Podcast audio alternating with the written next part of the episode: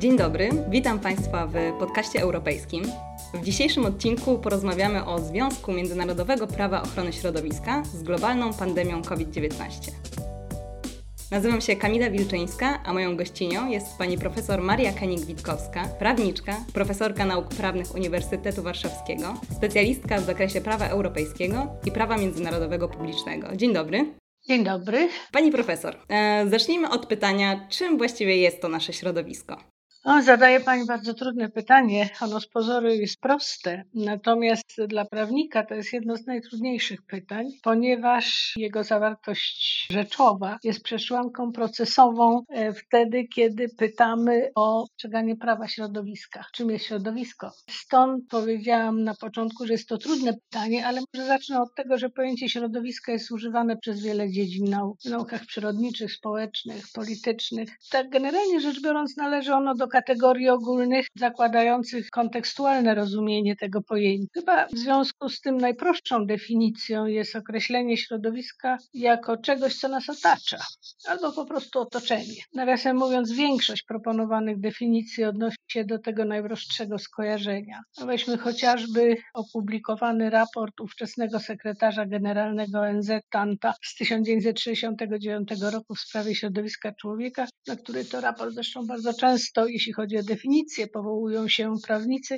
Środowisko to fizyczne, biologiczne otoczenie człowieka, zarówno środowisko naturalne, jak i będące wytworem człowieka. Polska ustawa, prawo środowiska, właściwie prawo ochrony środowiska, jest wynikiem między innymi dostosowania prawa krajowego do prawno-międzynarodowych zobowiązań Polski w dziedzinie ochrony i w związku z tym definiuje środowisko jako ogół elementów przyrodniczych, w tym także przekształconych w wyniku działalności człowieka, a w szczególności powierzchnię ziemi, kopaliny, wody, powietrze, krajobraz, klimat oraz pozostałe elementy różnorodności biologicznej, a także wzajemne oddziaływanie między tymi elementami. Więc jak pani widzi, właściwie wracamy do tej najprostszej definicji, czyli wszystko, co nas otacza, albo po prostu nasze otoczenie. Brak takiej ogólnej definicji normatywnej powoduje, że akty prawne często próbują środowisko definiować na użytek przepisów danego aktu, tak jak na przykład czyni to konwencja z ESPO, to jest konwencja o ocenach oddziaływania na środowiska, która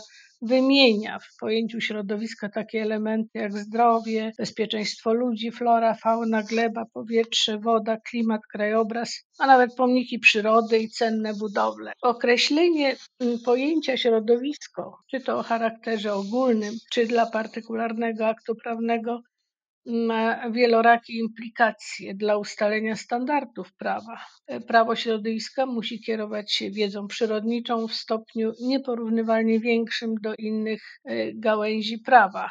Stąd wymienione przeze mnie elementy robiące wrażenie, że opisujemy środowisko, które nas otacza. Zresztą ekspertyzy naukowe służą nie tylko do opisania istniejącego stanu rzeczy, ale przede wszystkim służą do określenia i oceny ryzyka w obszarach niepewności, ponieważ przyjęty środek naprawczy bez tej wiedzy łatwo może stać się źródłem kolejnych problemów ze środowiskiem. I wreszcie należy pamiętać, że regulując tak kompleksowy przedmiot jak środowisko, mamy do czynienia z dynamicznie zmieniającymi się jego komponentami. W związku z tym należy tak konstruować normy, aby były one maksymalnie elastyczne i mogły szybko reagować na zmianę warunków w przedmiocie regulacji. I w tym nie można dostrzec pewnego paradoksu, mianowicie paradoksu związanego ze stanowieniem norm prawa środowiska, który to paradoks polega na tym, że normy prawa również powinny charakteryzować się perspektywicznością przyjmowania standardów, ponieważ w efekcie służą przecież ochronie życia na Ziemi podtrzymania ekosystemów. No i to właśnie byłoby wszystko, co prawnik może powiedzieć o definicji. Nie definiując środowiska, takiej definicji prawniczej nie ma. No właśnie, miałam nadzieję, że zrobi się prościej. Mam wrażenie, że jest wręcz odwrotnie. Definicja jest bardzo złożona. E, no to jaki jest właściwie związek między prawem ochrony środowiska a pandemią koronawirusa? Bo można odnieść wrażenie, że są to tematy pokrewne, ale chyba nie ze wszystkich aspektów zdajemy sobie sprawę. Znowu sprawa jest troszkę skomplikowana. Zanim będę próbowała odpowiedzieć na postawione pytania, powinnam się odnieść, oczywiście z mojej perspektywy jako prawnika międzynarodowca, do naszkicowania kontekstu wpływu pandemii COVID-19 na środowisko. Wpływ na prawo środowiska jest pochodną tego faktu. Jak dowodzi praktyka, w okresie ostatniego roku ograniczenia związane z rygorami obowiązującymi w czasie pandemii spowodowały zarówno pozytywne, jak i negatywne skutki dla środowiska. Z oczywistych powodów no, mamy tylko okres jednego roku albo już jednego roku do dokonania oceny. Wnioski powinny być odłożone w czasie, ale wydaje mi się, że mm, już można taki szkit przedstawić właściwie w dwóch punktach. Po pierwsze, zauważa się ogólną poprawę jakości środowiska. Jest ona wynikiem innymi wprowadzenia przez rządy wielu państw polityki zakazu przemieszczania się i znacznego ograniczenia aktywności podmiotów gospodarczych. Ograniczenia w wielu krajach niemal do zera ruchu turystycznego. Przyczyniło się do podniesienia poziomu jakości środowiska, w tym parków narodowych, lasów, zbiorników wodnych, rzek, środowiska morskiego. Pewnie sobie też przypomina, jaką wielką satysfakcją było pokazanie się delfinów e, w kanale Grande w Wenecji, czego nie było od dziesiątków lat. Okazało się również, że na przykład emisja gazów cieplarnianych obniżyła się do niespotykanego od II wojny obliczonego proporcjonalnie poziomu emisyjnego. Po drugie, przykładem takiej negatywnej strony zjawisk związanych z ograniczeniami, które w środowisku, tak zafundowały władze, jest na przykład usprawiedliwianie zakazami dotyczącymi swobody przemieszczania się, zaniechania w przeprowadzaniu procedur oceny mm, wpływu danego przedsięwzięcia na środowisko, jak to się miało w wielu przypadkach z budową tymczasowych szpitali polowych na przykład, nadużywanie środków odkażających, tymczasowe gromadzenie opakowań plastikowych, wprowadzanie do środowiska zwiększonej ilości odpadów niepodlegających recyklingowi, zwiększanie ilości odpadów organicznych, nie mówiąc już o trudnościach w związku z zakazami przemieszczania się, na przykład związanych z konserwacją i regularną obsługą urządzeń monitorujących środowisko. Często zastanawiamy się, które z pozytywnych efektów wpływu COVID-19 na środowisko potrwają dłużej. Zauważa się już, że konieczność dalszego stosowania polityki dystansu społecznego i powrót na przykład do korzystania z transportu prywatnego prowadzi do powrotu do wysokiego poziomu zanieczyszczenia powietrza, zwłaszcza w miastach. Pandemia spowodowała również zawieszenie programów recyklingowych, a wzrost zakupów internetowych doprowadził do zwiększenia ilości zarówno organicznych, jak i nieorganicznych odpadów opakowaniowych. Niemniej jednak te pozytywne efekty pandemii są zauważalne i ewidentnie zwraca się na nie uwagę, co jest nie bez znaczenia dla prawa środowiska. Jeśli chodzi natomiast o związki między prawem i pandemią, to trzeba powiedzieć, że z perspektywy prawa międzynarodowego rysuje się tutaj mało optymistyczny wniosek. Mianowicie zasadniczy wniosek dotyczy braku skutecznego poziomu przestrzegania norm tego prawa. Ponadto okazało się, że międzynarodowe prawo środowiska jest mało efektywne w kwestii standardów prawnych, które jasno określiłoby związki i zależności pomiędzy zdrowiem, bioróżnorodnością, zdrowiem człowieka, zdrowiem planety. Jeżeli zostanie jednoznacznie potwierdzone, a jeszcze się tak nie stało, że koronawirus pojawił się na targu zwierzętami, będzie to dowód, że funkcjonujący system prawny konwencji, na przykład o zakazie handlu zagrożonymi gatunkami flory i fauny, jest daleki od skuteczności. W tym kontekście warto przywołać ustalenia i rekomendacje raportu Programu Narodów Zjednoczonych do spraw środowiska na temat chorób odzwierzęcych, wskazującego na pilną potrzebę przewartościowania stosunku społeczności międzynarodowej do środowiska naturalnego w kontekście jego gospodarczej eksploatacji. Raport ten, obok bardzo szczegółowych e, danych, które wskazują na przyszłe zagrożenia chorobami odzwierzęcymi, podkreśla, że do wybuchu pandemii COVID-19 przyczyniły się obok działań degradujących środowisko również nasze nawyki żywieniowe i metody pracy. Dlatego wspominam o międzynarodowym prawie środowiska i te konstatacje nie są bardzo pozytywne, ponieważ to właśnie normy międzynarodowego prawa środowiska są częścią systemu międzynarodowego zarządzania środowiskiem. To są normy zawarte w kilkuset e, międzynarodowych traktatach, w wielu traktatach wielostronnych, e, których liczba stron sięga 100-150, więc można powiedzieć, że ta społeczność międzynarodowa przyjęła na siebie zobowiązania traktatowe, które potem schodzą na poziom państw narodowych i wchodzą w narodowe systemy ochrony środowiska. Stąd, y, skoro społeczność międzynarodowa ma taki, no powiedziałabym, luźny stosunek do norm, na co wskazały przypadki Wuhan, wcześniej jeszcze w Adelaidzie, to rzeczywiście myślę, że mój wniosek o tym, że prawo środowiska okazało się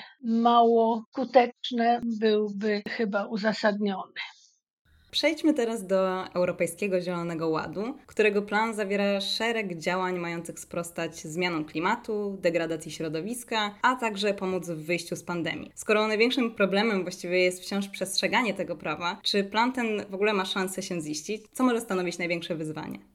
Hmm. E, Zielony Ład e, został przyjęty jako dokument komisji w grudniu 2019 roku. Jeśli sobie dobrze przypominam, na konferencji prasowej przewodnicząca komisji pani Ursula von der Leyen mówiła o przełomowym znaczeniu Zielonego Ładu dla pewnych kierunków polityki Unii Europejskiej, jeśli chodzi o jej rolę jako lidera w ochronie środowiska w skali globalnej. Można powiedzieć krótko, że Zielony Ład jest próbą systemowego podejścia do rozwiązania rozwiązywania problemów degradacji środowiska, w tym odbudowy ekosystemów i bioróżnorodności. Jednym z jego głównych celów jest ochrona, zachowanie i poprawa kapitału naturalnego Europy oraz ochrona zdrowia i dobrostanu obywateli przed zagrożeniami i negatywnymi skutkami związanymi z pogarszającym się stanem środowiska. Europejski Zielony Ład jest takim dokumentem, który został przyjęty postaci komunikatu, czyli jest dokumentem tak zwanego miękkiego prawa. Niemniej jednak cały szereg przepisów, instytucji, instrumentów, które są tam zawarte, zostanie uregulowane w przyszłości w innym dokumencie, już będzie miał charakter prawnie wiążący. Natomiast Zielony Ład jest dokumentem, który wskazuje na kierunki polityki Unii Europejskiej, jeśli chodzi o te główne wytyczne, to jest ochrona, zachowanie i poprawa kapitału naturalnego, systemowe mechanizmy mające na celu zaradzenie problemom degradacji środowiska, no i przede wszystkim przekształcenie Unii w nowoczesne społeczeństwo funkcjonujące, zasobooszczędny i konkurencyjnej gospodarce z pełnym poszanowaniem wymogów środowiska, w tym ochrony bioróżnorodności i budowania odporności ekosystemów. To były założenia i to są wciąż założenia. Zielony Ład się nie zmienił, poza tym, że w tej płaszczyźnie, która w sumie jest najważniejsza, żeby te cele się ziściły, czyli w tej płaszczyźnie finansowej, cały szereg środków, które Unia wyasygnowała na pomoc państwom i na wsparcie państw covidowe wchodzi częściowo w realizację również e, założeń Zielonego Ładu. Zresztą Europejski Zielony Ład rzeczywiście zakłada bardziej ambitne cele klimatyczne na lata 2030 i 2050. Takim drugim elementem, przynajmniej z mojego punktu widzenia kluczowym, to jest ochrona i odbudowa ekosystemów i bioróżnorodności. Te dwa elementy zawarte w tym dokumencie doczekały się regulacji, która no, daje pewną nadzieję na rzeczywiście ziszczenie się tych celów. Jeśli chodzi o ochronę i odbudowę ekosystemów i bioróżnorodności. Unia przyjęła strategię bioróżnorodności do roku 2030.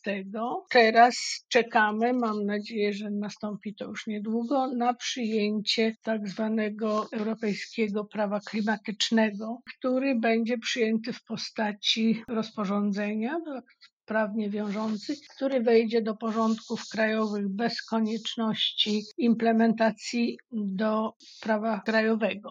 Będzie bezpośrednio więc obowiązujący. To jest rzeczywiście pierwsze europejskie prawo o klimacie, jako jeden spójny, całościowy dokument, a drugi dokument, strategia dotycząca bioróżnorodności, zawiera w sobie elementy wskazujące na już zaplanowany sposób wpisania tych założeń strategicznych do celów prawnie wiążących w dokumentach, nad którymi Unia pracuje. Mamy więc na widoku te dwa duże dokumenty, które rzeczywiście mają na celu uczynienie z Unii światowego lidera, jeśli chodzi o ochronę środowiska. Pani profesor, czy mogę prosić o rozwinięcie tematu strategii na rzecz bioróżnorodności Unii Europejskiej? E, chętnie, ponieważ ten problem jest mi szczególnie bliski. Nie ulega wątpliwości, że przyjęta w czasie pandemii jest centralnym elementem planu odbudowy i, i budowania odporności środowiska. Strategia zakłada m.in. ustanowienie wiążących celów w przedmiocie odtwarzania zdegradowanych ekosystemów i rzek,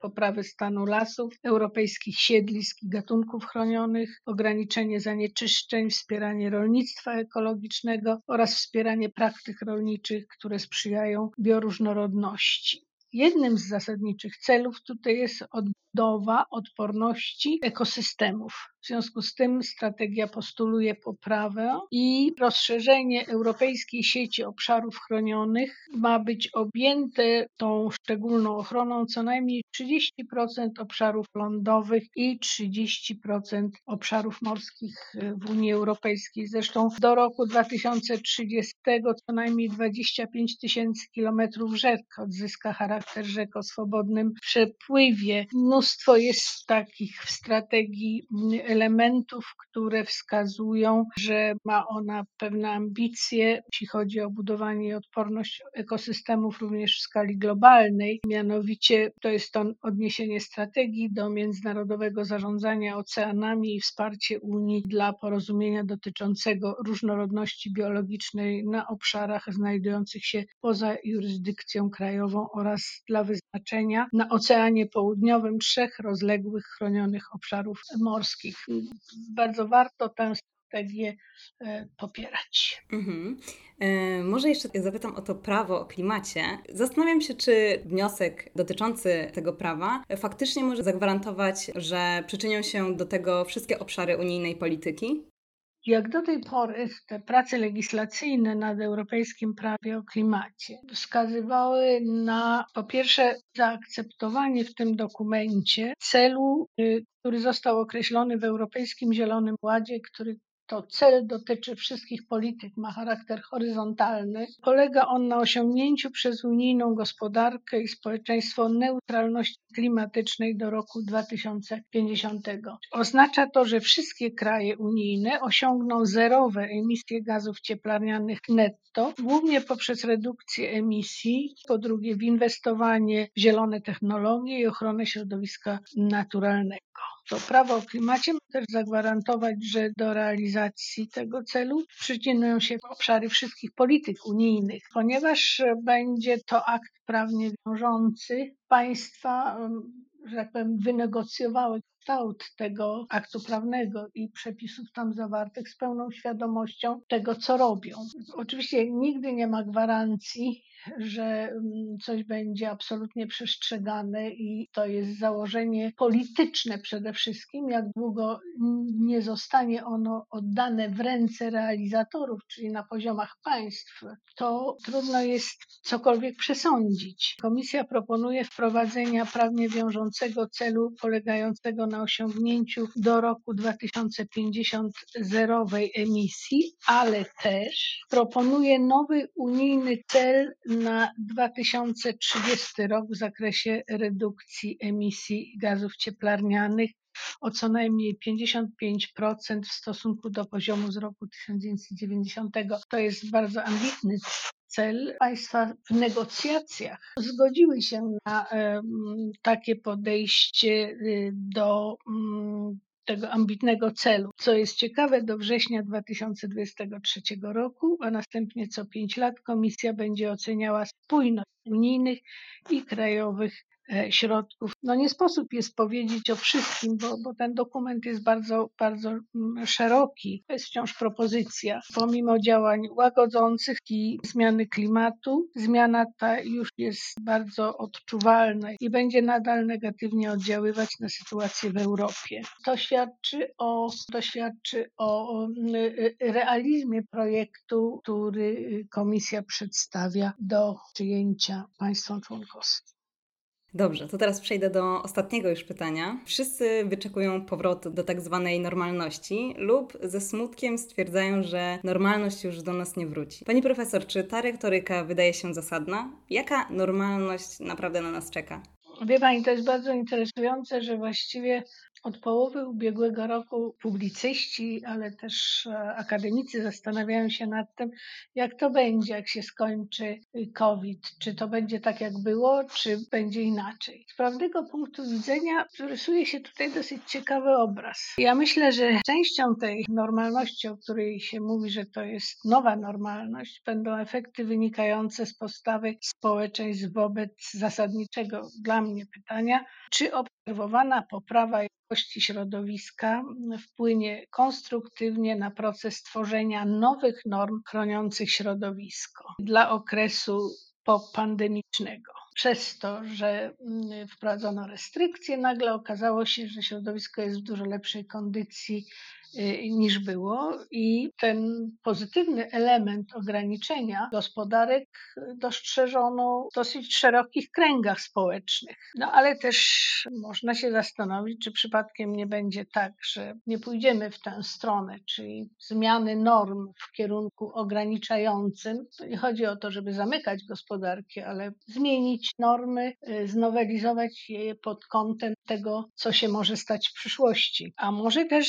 to będzie potraktowane jako wyjątek od status quo ante sprzed okresu pandemii. Na obecnym etapie pandemii właściwie trudno jest powiedzieć, w którą stronę taki zwrot podejściu społecznym może się odbyć. Wybuch pandemii wiąże się z niewłaściwym traktowaniem natury przez człowieka, z jego nawykami żywieniowymi, metodami pracy i zasadnicze pytania dotyczą poziomu zależności i skutków ingerencji człowieka w środowisku w związku z procesami rozwoju gospodarczego. Z perspektywy międzynarodowego prawa środowiska pożyteczne i pouczające wydają się być wnioski wynikające z generalnego porównania reakcji społeczności międzynarodowej na wyzwania i zagrożenia związane z COVID-19 i ze zmianami klimatycznymi. Jak podaje się do wiadomości publicznej, wyniki międzyrządowego panelu w sprawie zmian klimatu pokazujące na degradację tego, co jest właściwie najważniejsze dla podtrzymania procesów życiowych na, na świecie, to się okazuje, że państwa mają pewne kłopoty z zaakceptowaniem jak często podkreślają rządzący, tych wyśrubowanych standardów ochrony klimatu. Natomiast wiele państw, które odnotowują pozytywne efekty działań wynikających ze spowolnienia gospodarczego na środowisko, kwalifikuje to bardzo pozytywnie i w swoich programach post-covidowych wskazują na możliwości nowego podejścia do aktualnie funkcjonujących norm prawa środowiska, ponieważ te normy, które aktualnie obowiązują, zostały zaakceptowane przez społeczność przed pandemią. Teraz się okazuje, jakie dobroczynne skutki ma pandemia dla środowiska i być może należałoby od nowa otworzyć negocjacje w takich sprawach jak na przykład klimat czy bioróżnorodność. Wydaje mi się, że takim zasadniczym problemem będzie na nowo określenie przez społeczność międzynarodową punktu referencyjnego dla ewentualnych zmian. Ten ten punkt, gdzie on będzie umieszczony, jakie on będzie miał znaczenie, y, zależy od tego, jak społeczeństwa podejdą do oceny ryzyka.